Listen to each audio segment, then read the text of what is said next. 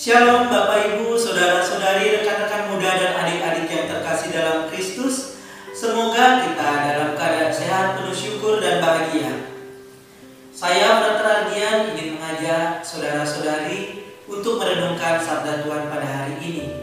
Mari kita siapkan hati dan diri kita untuk mendengarkan sabda Tuhan. Inilah Injil suci menurut Matius. Dimuliakanlah Tuhan. Sekali peristiwa Yesus berkata kepada murid-muridnya, Berbahagialah matamu karena telah melihat, berbahagialah telingamu karena telah mendengar.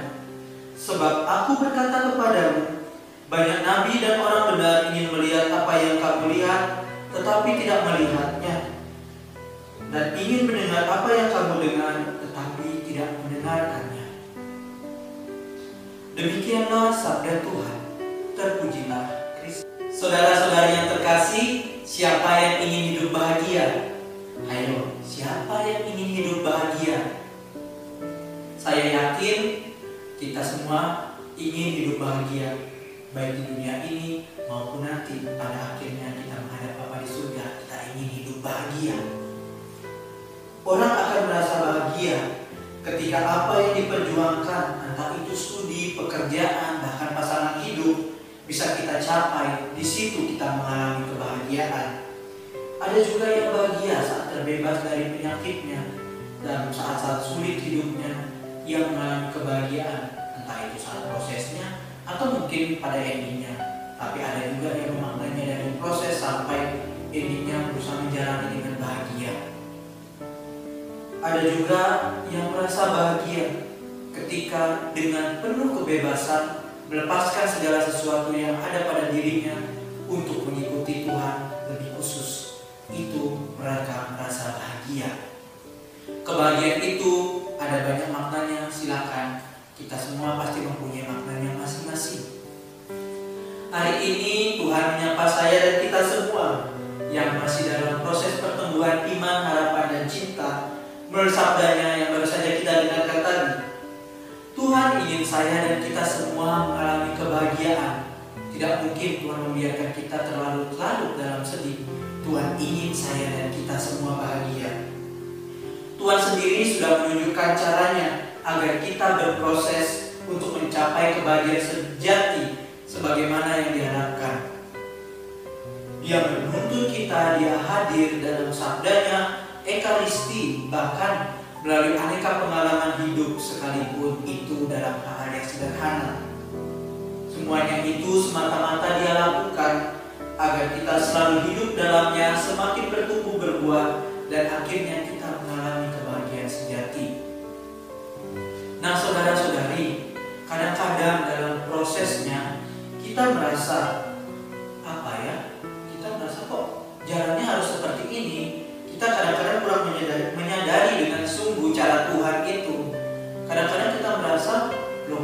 seribet ini, sesulit ini, kok prosesnya kok kering-kering aja. Padahal di situ sebetulnya Tuhan mengajak kita untuk bagaimana membuka diri pada bimbingannya.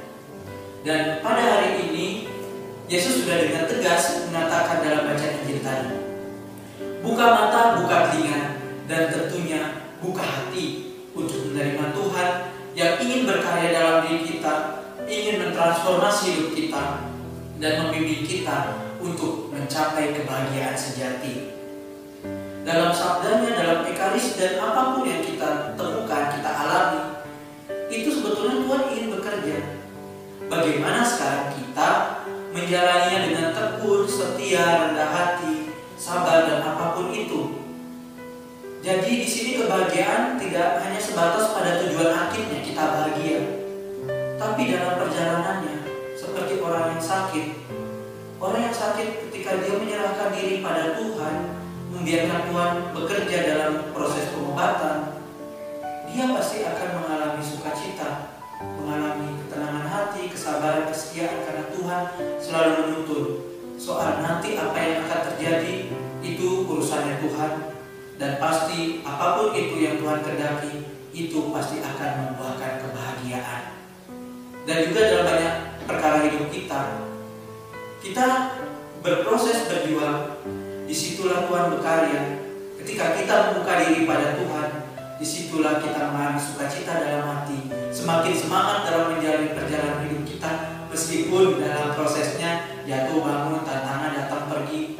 Di situ Tuhan ingin kita juga bersukacita saat kita membuka diri pada Tuhan, kita bisa dimampukan untuk melalui semuanya itu dan akhirnya kita bisa mengalami kebahagiaan walaupun bukan apa yang kita bayangkan apa yang kita pikirkan tapi karena Tuhan sudah mengendaki apa pun itu yang terjadi pasti akan mengalami kebahagiaan.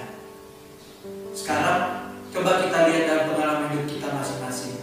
Tentu ada banyak kisah kesaksian orang banyak bahkan pengalaman kita sendiri tentang hal ini mengalami kebahagiaan bukan hanya pada satu tujuan aja tetapi dalam proses perjalanan hidup kita sendiri. Sekarang bagaimana kita Saudara-saudari yang terkasih, pada hari ini gereja memperingati Santo Yoakim dan Santa Ana. Mereka adalah orang tuanya Bunda Maria.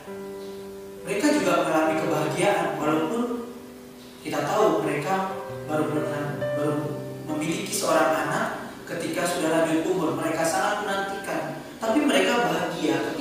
mereka menyerahkan semua pada Tuhan, tekun setia dan menjalani perintahnya.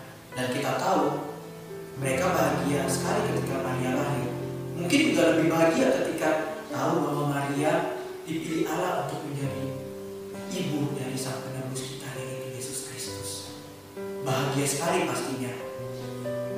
Dan kita mohon doa dari Santo Yohakim dan Santa Ana juga supaya kita bisa menambah semangat kesetiaan, keterbukaan hati dan diri kita pada Tuhan yang membuat kita pada waktunya bisa berbahagia Saudara-saudari yang terkasih, sekarang bagaimana dengan kita?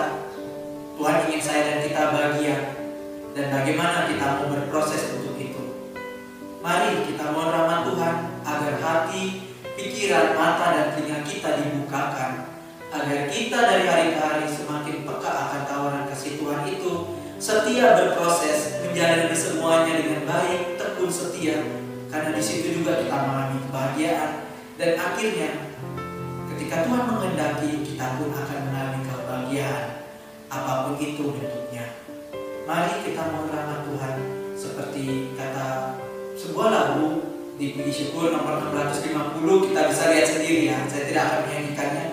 Dikatakan siapa yang berpegang pada sabda Tuhan dan setia mematuhinya hidupnya mulia.